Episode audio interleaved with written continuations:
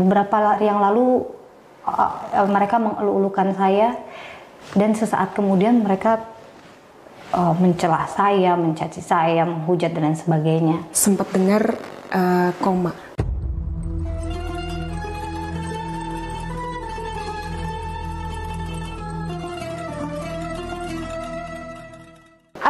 Assalamualaikum warahmatullahi wabarakatuh. Hai Sobat Villa, kita ketemu lagi di channel Cafe Rumi Jakarta Channel yang selalu memberikan wawasan-wawasan islami yang segar dan tentunya mencerahkan. Bersama saya Amalia Muhammad. Hari ini kita akan kedatangan tamu spesial. Siapa dia? Kita akan simak latar belakangnya, sukses story, dan yang paling penting adalah perjalanan spiritualnya Yang semua terekam di dalam Rumicast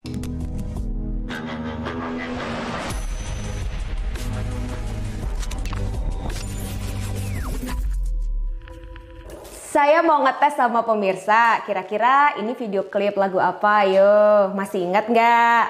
Satu ditambah satu sama dengan dua. Oke, langsung aja. Kak Puput Melati. Hai, Assalamualaikum. Waalaikumsalam. Gimana kabarnya Kak? Sehat-sehat? Alhamdulillah, Alhamdulillah. Wah, ke mana aja? Di rumah aja. Di rumah. Iya lagi COVID ya. Uh, sudah vakum dari layar kaca televisi? Uh, saya memvakumkan diri saya. Oke. Okay. Sekarang ya. lagi sibuk apa? Sekarang saya sibuk apa ya? Seperti biasa sih. Uh, saya sibuk mendidik anak-anak, ngurus anak-anak, terus uh, sama suami juga, terus lagi bikin proposal skripsi nice. yang tertunda oh, karena biasa. pandemik. Oh iya iya. terus uh, ikut apa namanya berbagai undangan-undangan acara religi, solawan, mm-hmm. ya pokoknya terus menebar manfaat, terus syiar dalam syair lah gitu. Oh keren keren keren. Nama lengkap Safia Putri Merati. Ya. Betul. Dari kecil diingatnya penyanyi cilik. Iya bener banget Betul. tuh. Terus semakin dewasa penyanyi remaja. Iya. Betul. Nah, benar benar. Itu dari kecil ke remaja itu kiprah di dunia nyanyi itu berapa lama? Um, aku itu start jadi penyanyi cilik itu tahun 87, 1987. Oh, okay. Jadi usia lima tahun udah mulai udah nyanyi mm -hmm. dan nggak um, tahu alhamdulillah langsung meledak itu lagunya oh. uh, boom satu ditambah satu. Terus uh, ke sininya lagi ada 13 album anak-anak tuh. Wow, Di antaranya 13. si Cabai Rawit, okay. si Jago Mogok, terus macam-macam ada ada apa dan lain sebagainya.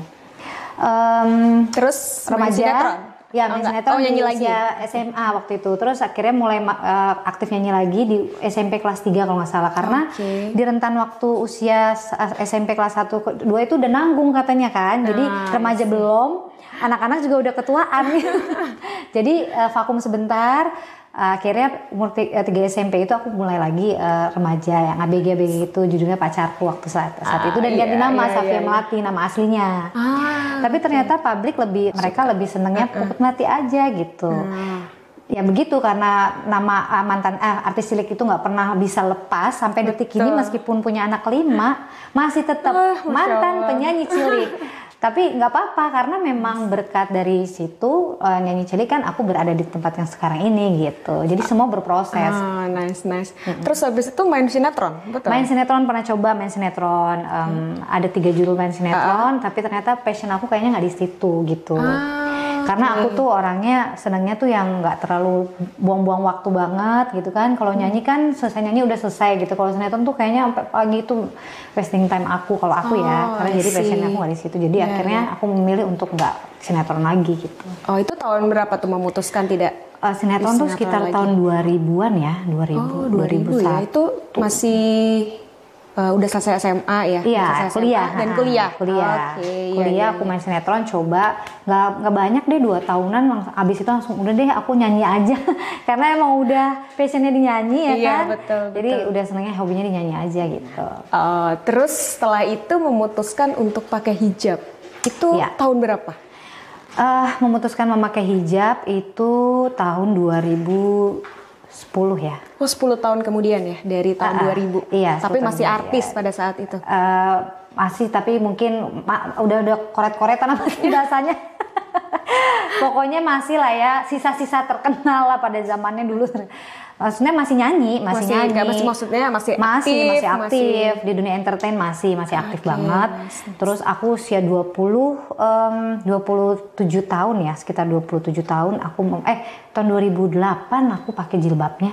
Oh, oke. 2008. 8 tahun. Ketika pulang umroh pada saat itu aku memutuskan untuk pakai hijab. Sebenarnya sih hijab nih kerudung ini nggak asing buat aku karena memang dari kecil dari TK, SD, SMP itu aku sekolah di sekolah Islam. Oh, Jadi iya, yang mewajibkan setiap hari Jumat itu kita memakai kerudung dan sebagainya. Jadi memang nggak asing banget dan keinginan untuk berhijab itu pasti ada ya.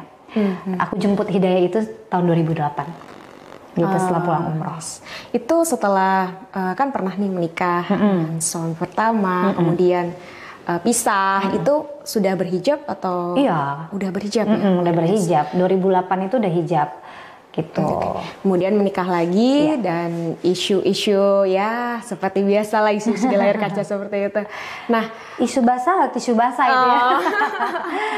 Iya. nah dari situ dari perjalanan sampai eh, menikah yang kedua, kemudian melahirkan anak gitu ya, itu pasti ada eh, apa ya hikmah yang bisa dipetik lah ya dari setelah yang pertama gagal, kemudian yang kedua, kemudian eh, apa istilahnya apa sih hikmah yang bisa diambil dari fase kehidupan yang naik turun naik turun seperti itu? Mungkin bisa diceritakan. Masya Allah ya namanya manusia ya. Setiap manusia yang memiliki nyawa pasti Allah kasih uji. Ujian yang macam-macam sesuai dengan tingkat kita kesanggupan kita dan Allah pasti nggak akan menguji kita di luar batas kemampuan kita pastinya. Dan ujian yang Allah kasih untuk aku itu sebenarnya aku anggap sebagai hadiah anugerah yang terindah yang Allah pernah kasih buat hidup aku. Karena apa? Mungkin kalau Allah nggak uji aku aku nggak akan mungkin merasa aku lebih dekat dengan Allah seperti sekarang gitu ya. Meskipun aku aku tetap masih banyak kekurangan dan keterbatasan namanya juga manusia ya. Nggak mungkin kan terus sempurna gitu nggak. Tetap dengan keterbatasan keterbatasan aku tapi aku merasa aku lebih eh, dekat aja gitu sama Allah. Aku bisa tiba di fase seperti ini melalui proses-proses yang kemarin pastinya. Jadi aku sangat bersyukur banget Allah bisa kasih aku ujian yang begitu besar selama hidupku Eh, itu perjalanan proses spiritual pastinya. Dan eh, aku yakin setiap orang juga pasti punya proses spiritual masing-masing ujiannya masing-masing ya. Dan yang aku ambil dari situ adalah ketika kita mendapat ujian kita nggak nggak nggak hanya harus sabar tapi kita harus lulus gitu dari ujian itu gitu. Karena kalau sabar tapi kita nggak lulus juga kan eh, kayak ya ujian sekolah ya jadi setiap mau naik kelas pasti ada ujiannya. Setiap naik kelas pasti ada ujiannya gitu. Jadi harus bisa menjawab ujian-ujian dari Allah dan harus bisa lulus gitu loh supaya em, kita bisa tahu makna hidup ini seperti apa. Supaya kita bisa paham betul diri kita itu siapa gitu. Dengan ujian yang banyak kemarin itu aku eh, menyimpulkan bahwa aku bisa sampai di titik ini dan aku bisa mengenal diri aku gitu ya. Iya. karena eh, ketika aku mengenal diriku artinya aku tahu bahwa siapa sih sebenarnya aku dan eh, untuk apa sih aku di hidup, hidup gitu kan. Ya artinya aku bisa mengenal siapa Allah aku bisa mengenal siapa wakilnya Allah yang di bumi Nabi Muhammad SAW jadi aku tahu betul posisi aku nih hanya seorang hamba hanya seorang umat yang memang harus bisa eh, dengan kesadaran penuh menjalani kehidupannya sebagai seorang hamba, sebagai seorang umat yang baik gitu, umatnya Nabi Muhammad SAW yang baik gitu kan, dengan segala perjuangan, air mata, wah semuanya deh pasti ya. Dan kalau aku lihat sekarang itu aku benar-benar bersyukur, justru malah nggak bukannya aku menyesali semuanya, tapi justru bersyukur. Terima kasih ya Allah, terima kasih banyak Allah kasih aku hadiah ujian yang begitu indah buat aku gitu. Dan itu semakin menguatkan mental, semakin percaya bahwa oh ternyata aku lulus loh ujian ini gitu ya. Iya, insya Allah. Pokoknya selama ini aku selalu berprasangka baik sama Allah ya kan, karena aku nggak mau berprasangka buruk gitu, karena ya prasangka baik kita kepada Allah ya Allah seperti apa yang kita prasangkakan kan gitu. Jadi terus saja berprasangka baik gitu sama Allah. Oke, ujian pertama lulus, ujian kedua lulus, terus ujian ketiga yang sempat dengar eh, koma. Itu betul. Saat pada saat melahirkan anak keberapa? Melahirkan anak ketiga. Oh, uh, itu bisa diceritakan nggak ceritanya? Jadi pada saat itu aku melahirkan anak ketiga, mm -mm. Uh, observasi udah seperti biasa kan setiap yeah. uh, karena aku lima limanya sesar mbak. Oh, iya, iya, iya. Jadi lima limanya sesar, terus ini operasi yang ketiga semua sudah dilakukan seperti uh, uh, sesuai dengan SOP-nya. Mm -hmm. Terus ternyata ya kodarullah lagi kita sudah berencana tetap okay. Allah yang punya punya uh, takdir gitu kan. Setelah saya uh, dioperasi sesar, anak saya sudah keluar tiba-tiba mengalami alergi yang hebat sampai semua oh. tuh nggak aku nggak bisa nafas terus uh, semuanya bengkak sampai tangan tuh kayak pisang lampung kayak pisang susu gede-gede. Oh semuanya bengkak kayak bukan aku katanya gitu. Dan aku udah nggak sadarin diri. Terus dikasih uh, selang sebesar ini dimasukin ke paru-paru karena harus ada oksigen yang masuk dan ke otak juga gitu. Alhamdulillah pada saat itu ada dokter jaga dan masih ada beberapa uh, apa namanya asisten dokter di sana. Hmm. dokter anak sudah pulang dokter dokter ob, obijinnya udah pulang dokter uh, yang sesarnya udah pulang dokter kandungan udah pulang semuanya tapi mereka langsung balik lagi dan alhamdulillah Allah masih kasih kesempatan. Nah kesempatan kedua iya ya. kesempatan kedua. Jadi hikmahnya lagi yang bisa aku ambil uh, ibrahnya lagi yang bisa aku ambil adalah Allah memberikan saya kesempatan kedua untuk bisa uh, mengambil kehidupan itu lagi dengan cara yang lebih baik dari yang kemarin gitu. Nice nice nice. Ah, cukup luar biasa ujiannya. Masya Allah. Pernah nggak uh, sempat saya diuji seperti ini ya Allah pernah merasakan uh, komplain nggak sama pencipta? Uh, kalau komplain ya namanya manusia ya pasti gitu. Gelar sejadah, ngadu, ngobrol sama Allah itu yang biasa saya lakukan, yang bisa aku lakuin. Uh, cuman itu yang bisa aku lakuin. Jadi hmm. semuanya aku curahin sama Allah. Aku nggak ngerti itu yang namanya komplain, ngeluh atau apa. Tapi semua yang ada di hati dan pikiran aku semua aku curahin sama Allah aku minta aku ngomong semuanya sama Allah seperti apa. Itu dari ujian pertama ya? Iya pasti Artinya, semuanya ha -ha. dari setiap ujian yang aku dapetin itu pasti aku minta sama Allah. Pasti aku ngobrol cerita sama Allah gitu. Awal-awal pasti lah ya dan awal-awal pasti kita bertanya-tanya kenapa gitu kan. Hmm. tapi uh, aku nggak mau larut gitu karena aku percaya bahwasanya Allah kasih ini semua karena aku kuat dan karena aku pasti bisa dan semoga prasangka baiknya adalah Allah ingin menaikkan derajat aku di matanya gitu. Jadi uh, nice. ya buat aku ya sesimpel itu sih maksudnya yang namanya ujian yang memang harus dijalanin dan eh, memang harus kita uh, lalui gitu loh. Oke. Okay. Gitu. Itu bagaimana cara menguatkan mental supaya oh iya besok aku harus apa yang aku lakukan hmm. terus uh, gimana tuh cara? Iya sebenarnya sih prosesnya juga nggak mudah ya, nggak segampang apa yang aku omongin ya, penuh dengan air mata, pun berdarah-darah kasarnya gitu kan. Uh, tapi alhamdulillah banget Allah kirim banyak guru-guru aku. Allah kirim guru-guru aku yang tulus hatinya, yang punya hati bersih, mereka membimbing aku gitu ya. Hmm. Jadi aku bisa sampai di sini itu pasti berkat guru-guru aku juga. Hmm. Mereka yang memberikan terus aku apa semangat. namanya semangat ya. mereka yang terus uh, membuat aku lebih dekat sama Allah mereka yang terus uh, mereka yang akhirnya membuat aku begitu cinta sama Nabi Muhammad SAW. Kalau dulu kan aku ngerasa ya Nabi Muhammad uh, Rasulullah gitu ya Rasulullah, tapi aku nggak pernah dapet uh, apanya ya girohnya gitu loh. Okay. Maksudnya semangat mencintainya tuh biasa gitu kalau sekarang tuh berkat guru-guruku ini aku bener-bener yang kalau apa-apa jadi aku malu sama Nabi Muhammad kalau aku melakukan hal kayak gitu aku malu Rasulullah tuh udah begitu banyak berkorban udah banyak udah terlalu cinta sama umatnya terus apa yang aku bisa kasih sama Nabi Muhammad gitu loh mm -hmm. kalau enggak ya kesetiaan gitu Betul. karena Nabi Muhammad tuh setia banget sama umat-umatnya hmm. sampai emat pada saat mau meninggal pun juga kan yang dipikirin bukan bukan ya, dirinya, dirinya sendiri, sendiri tapi ya umatnya gitu. Hmm. makanya aku ya Allah aku senang banget bisa berkumpul dengan orang-orang soleh. Makanya itu jadi prosesnya panjang mbak. Harus dekat sama orang-orang yang soleh harus dekat sama orang-orang yang bisa membimbing kita. Karena itu pilihan gitu ya. -hmm. Kita bisa memilih jalan ke kiri bisa, bisa memilih jalan kanan bisa, tapi aku memilih jalan untuk yang ya jalan yang uh, aku pikir ya Allah senang gitu, yang Allah suka gitu. Berkumpul dengan orang soleh terus mendapatkan nutrisi uh, mencharge iman kita juga. iman ya, iya, iya betul. Nah itu penting banget untuk menjalani proses kehidupan gitu. Karena kita kan kalau sendiri itu pasti ada masa kita downnya dan kita mau ke siapa? Kalau ya kan hmm. kalau bukan kita deketin para ulama kita deketin orang-orang soleh gitu supaya bisa mengingatkan kita lagi nih loh gitu. Nih put nih orang-orang soleh nih ya gitu dan pasti mereka punya ujian lebih dahsyat dibandingkan Betul. saya yang bukan siapa-siapa gitu. Di mana titik terendah uh, dari seorang puput melati pada saat menerima ujian? Titik terendah saya hmm, apa ya? Banyak ya banyak lagi. Jadi Allah eh, apa naik terus jatuh lagi. Naik tapi manusia kan jatuh bangun lagi. Jatuh kita bangkit lagi. Cepat move on gitu. ya harus harus harus bisa cepat move on. Uh, apa namanya ya beberapa tahun yang lalu ujian yang begitu besar gitu ya.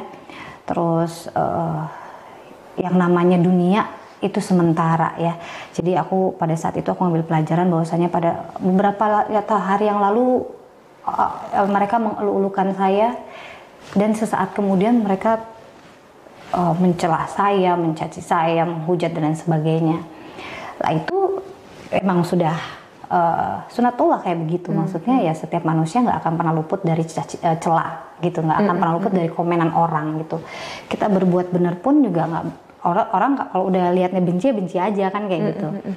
uh, jadi aku rasa kalau kita mau mengemis orang lain semua harus suka sama kita itu nggak akan pernah mungkin. Tapi selama ada Allah di hatiku, selama ada Nabi Muhammad di hatiku, selama aku merasa cukup dengan Allah dan Nabi Muhammad, aku rasa nggak akan perlu khawatir tentang hmm. semua hmm. omongan orang, komenan orang dan sebagainya. Selama aku berada di jalan yang baik dan yang aku lakuin itu benar di mata Allah dan Nabi Muhammad gitu. Jadi cara menanggapinya ya udah gitu iya, aja. Iya, bodo amat gitu ya. Jadi lebih ke bodo amatnya tapi begini, uh, kalau memang itu yang mereka sampaikan adalah suatu kebaikan, nah, aku iya. ambil gitu. Ah. Jadi jangan yang bodo amatnya tuh selalu yang Cuek anti sekali, banget ya. gitu kan. Hmm. Ya nggak gitu juga karena hmm. itu satu proses buat kita juga. Siapa tahu memang apa yang mereka sampaikan itu adalah benar yang ada dalam diri kita hmm. gitu. Jadi kita bisa introspeksi, kita bisa muhasabah diri kita. Oh iya, kalau memang ada yang benar kita ambil dan kita introspeksi diri kita, kita rubah gitu. Tapi kalau ternyata yang mereka sampaikan cuman yang wah nggak nggak nggak sesuai Jelek dengan ya. apa yang ah dan lain sebagainya ya biar itu menjadi urusan dia sama Allah aja gitu. Ah iya iya. Uh, iya. Jadi uh, apa pun yang dari omongan orang juga Mbak juga uh, apa ya kayak kita pikirkan lagi ya, kemudian kita saring. kita saring ya, ya. disaring-saring lagi hmm. karena yang kadang-kadang bikin kita stres itu hal-hal yang nggak penting kita biarin masuk ke dalam pikiran dan hati kita.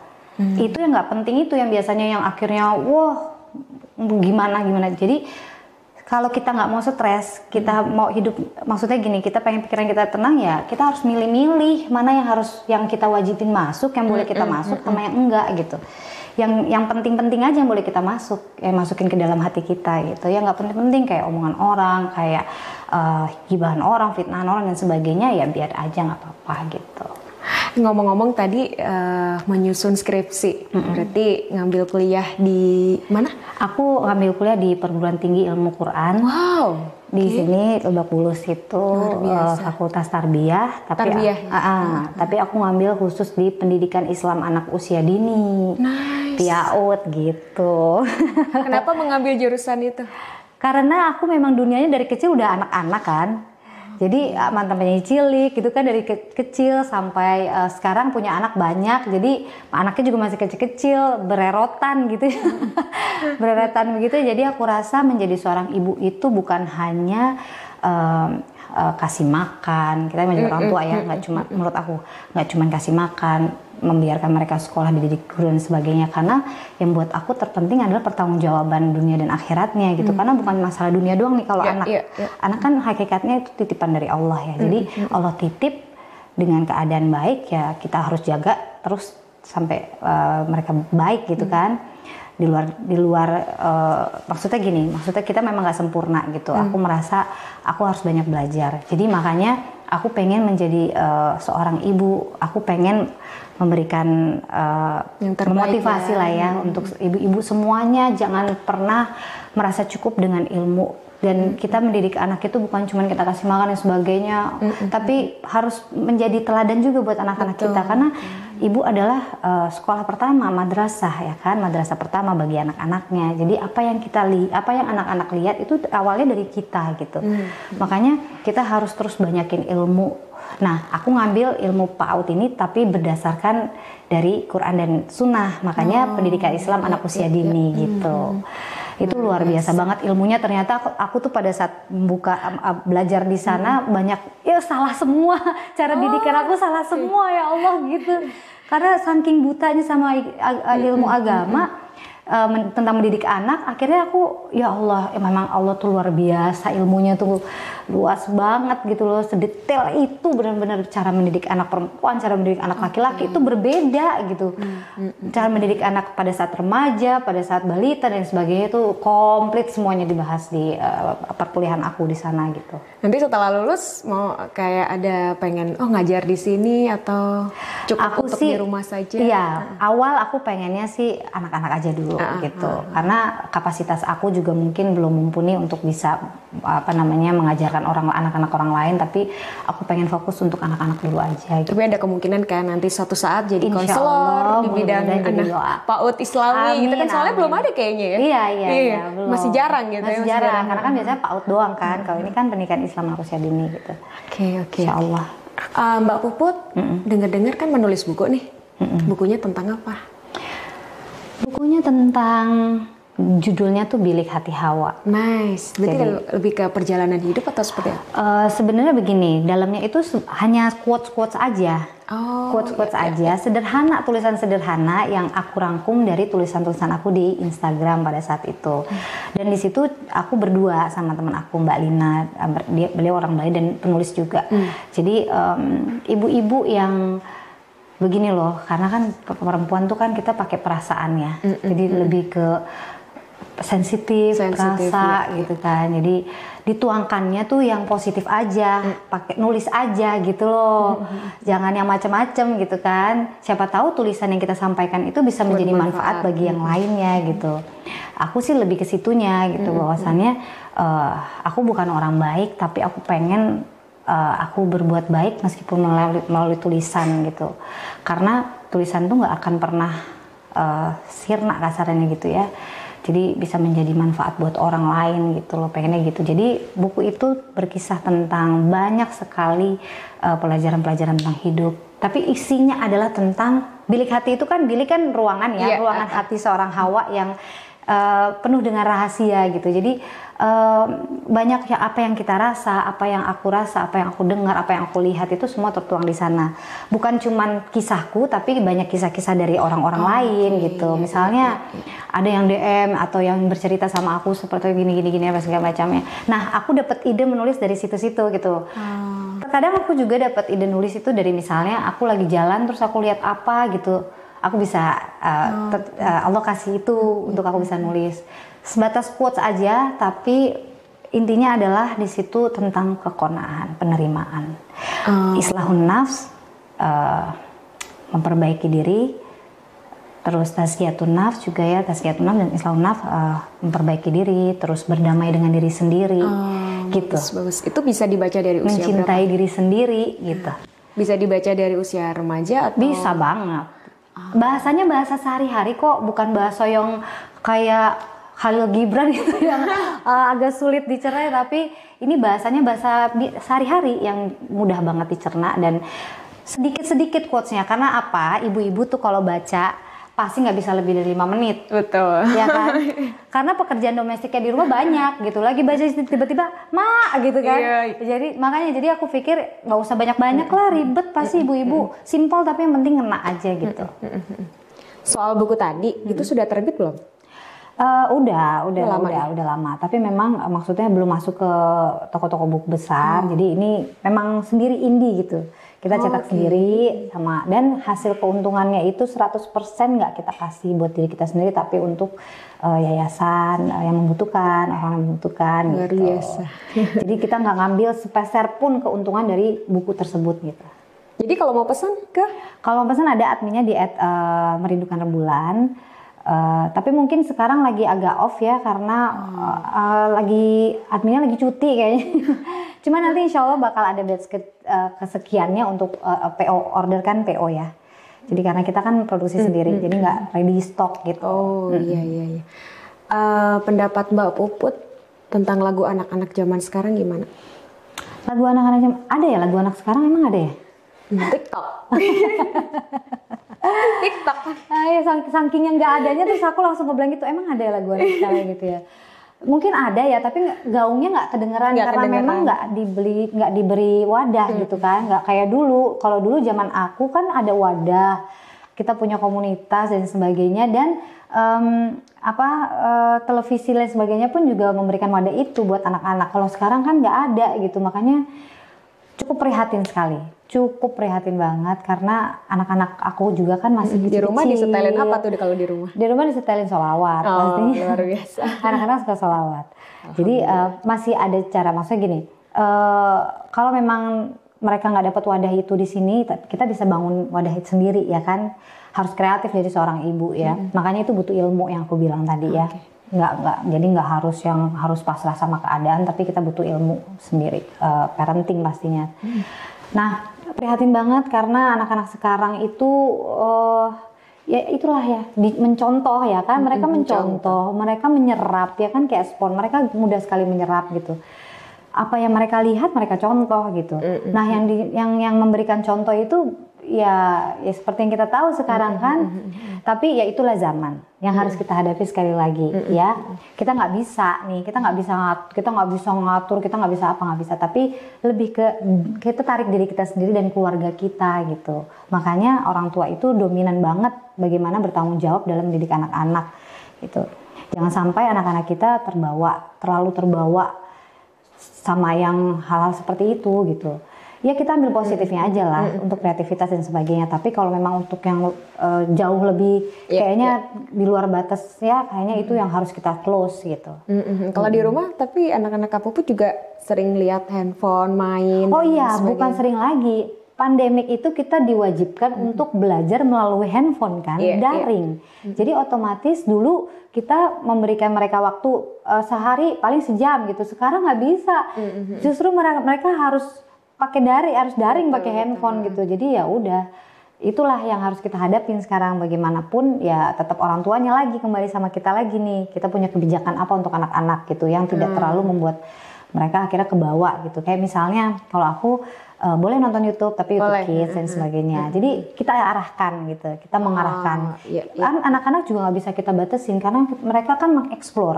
Mereka harus mengeksplor. Kalau mereka kita batasin, kreativitas mereka tumpul kan gitu. Hmm. Jadi mau nggak mau ya kita sebagai orang tua harus tetap ada di samping mereka untuk me- tadi mengarahkan apa yang mereka lakukan yang mereka tonton dan sebagainya gitu. TikTok ya boleh sesekali gitu ya. Tapi kalau misalnya udah harus ada ujian, hafalan Quran itu bener-bener blas gitu nggak boleh sama sekali karena supaya mereka fokus gitu. Cuman gitu sih. Jadi biar anak juga ada rilahnya, refreshnya gitu. Oke, misi Kak Puput selanjutnya apa nih? Misi, waduh. Misinya kayak ini ya, kayak apa namanya? ya Kembali ke misi- layar kaca iya, gitu. atau enggak enggak. Ke layar kaca eh, aku kayaknya sudah berada di zona yang nyaman sekarang gitu ya. Banyak yang nanya kok udah eh, di TV lagi, udah ini apa segala macam gitu. Kalau saya mau kasih lihat banyak permintaan, banyak banget permintaan untuk sinetron, banyak permintaan untuk eh, tampil di televisi dan sebagainya. Tapi saya nggak gitu kayak nggak tahu kenapa hati udah nggak ke sana gitu. atau mungkin nanti untuk ini ustazah khusus untuk parenting. Aduh, insya Allah. Pokoknya sesuatu, kalau ada sesuatu manfaat, eh, yang bermanfaat, insya Allah saya ambil. Tapi sejauh ini masih belum ada tawaran yang seperti itu. Eh, makanya saya lebih memilih untuk di zona saya sekarang eh, banyak belajar. Saya lagi banyak mau belajar ilmu agama Islam pastinya, lebih memperbaiki diri saya. Terus saya dagang juga kan. Oh, Eh, baju muslim, baju muslimah, syiar melalui pakaian. iya, Niatnya adalah supaya bisa menjadi asbab hidayah bagi mereka yang belum memakai pakaian muslim dan hijab. Seperti itu sih. Jadi aku sekarang eh, benar-benar memfokuskan diri aku untuk dakwah gitu, untuk memberi manfaat kepada orang gitu. Luar biasa. luar biasa. Insya Allah doain. Satu lagi, pendapat Kak Puput tentang milenial. Mungkin nggak ada nasihat yang ingin disampaikan kepada para milenial? Masya Allah. milenial tuh sebenarnya aku termasuk milenial loh. Iya, iya, iya. Karena iya. generasi sekarang sebenarnya genera generasi Z ya. Generasi betul, ya betul. kan? Kalau milenial tuh uh, Sebelum tahun, Z. Iya, Iya. sebelum Z tahun 1990, 98, Iya. eh, 80-an itu milenial. Eh, pokoknya em, begini ya, maksudnya dunia sementara gitu kan. Yang harus kita pikirkan adalah bagaimana tentang akhirat kita gitu. Bekal dunia bisa terukur, tapi kan kalau akhirat masa usia akhirat kita kan pasti lebih panjang daripada pada masa usia kita di dunia gitu.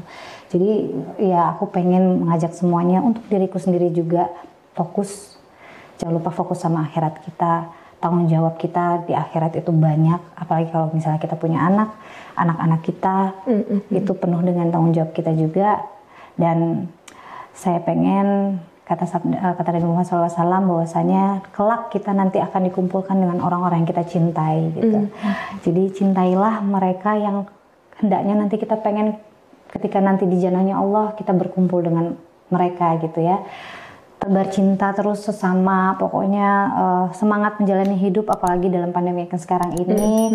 Jangan putus asa karena nggak cuman kita sendiri yang diberikan ujian kesulitan ya, tapi eh, percaya deh pa- pasti ini semuanya ada hikmahnya Allah kasih ya. Dan aku merasakan itu semuanya kasih sayang Allah kasih buat kita semuanya. Ini bentuk kasih sayang Allah mudah-mudahan kita bisa berprasangka baik terus semangat em, apa namanya kejar terus cita-cita ya para milenial nih. Dan eh, terus bermanfaat yang paling terpenting gitu. Dakwah di mana pun eh, meskipun kita merasa bukan seorang yang layak misalnya bukan ustadz ustazah tapi di diri kita adalah seorang muslim jadi ada eh, kewajiban kita juga untuk eh, berdakwah sesuai dengan kemampuan kita Betul, gitu Sampaikan walau satu ayat ya, That's seperti itu. right. betul banget Oke, terima kasih Kak Puput Sama-sama, atas Masya Allah. ujangan-ujangan, atas eh, ya eh, semangat untuk kita semua gitu ya. Semoga Kak Puput semakin sukses dunia dan amin akhirat. amin Allahumma Terima amin kasih, amin. Amin ya rabbal alamin. Demikian tadi bincang kita dengan Kak Puput Melati. Semoga apa yang beliau sampaikan dapat menjadi petuah bagi kita, dapat menjadi semangat bagi kita untuk terus hidup dalam dunia ini dan hidup adalah penuh perjuangan dan kita tentunya semangat dalam menjalani hidup. Hatimu boleh patah, matamu boleh basah.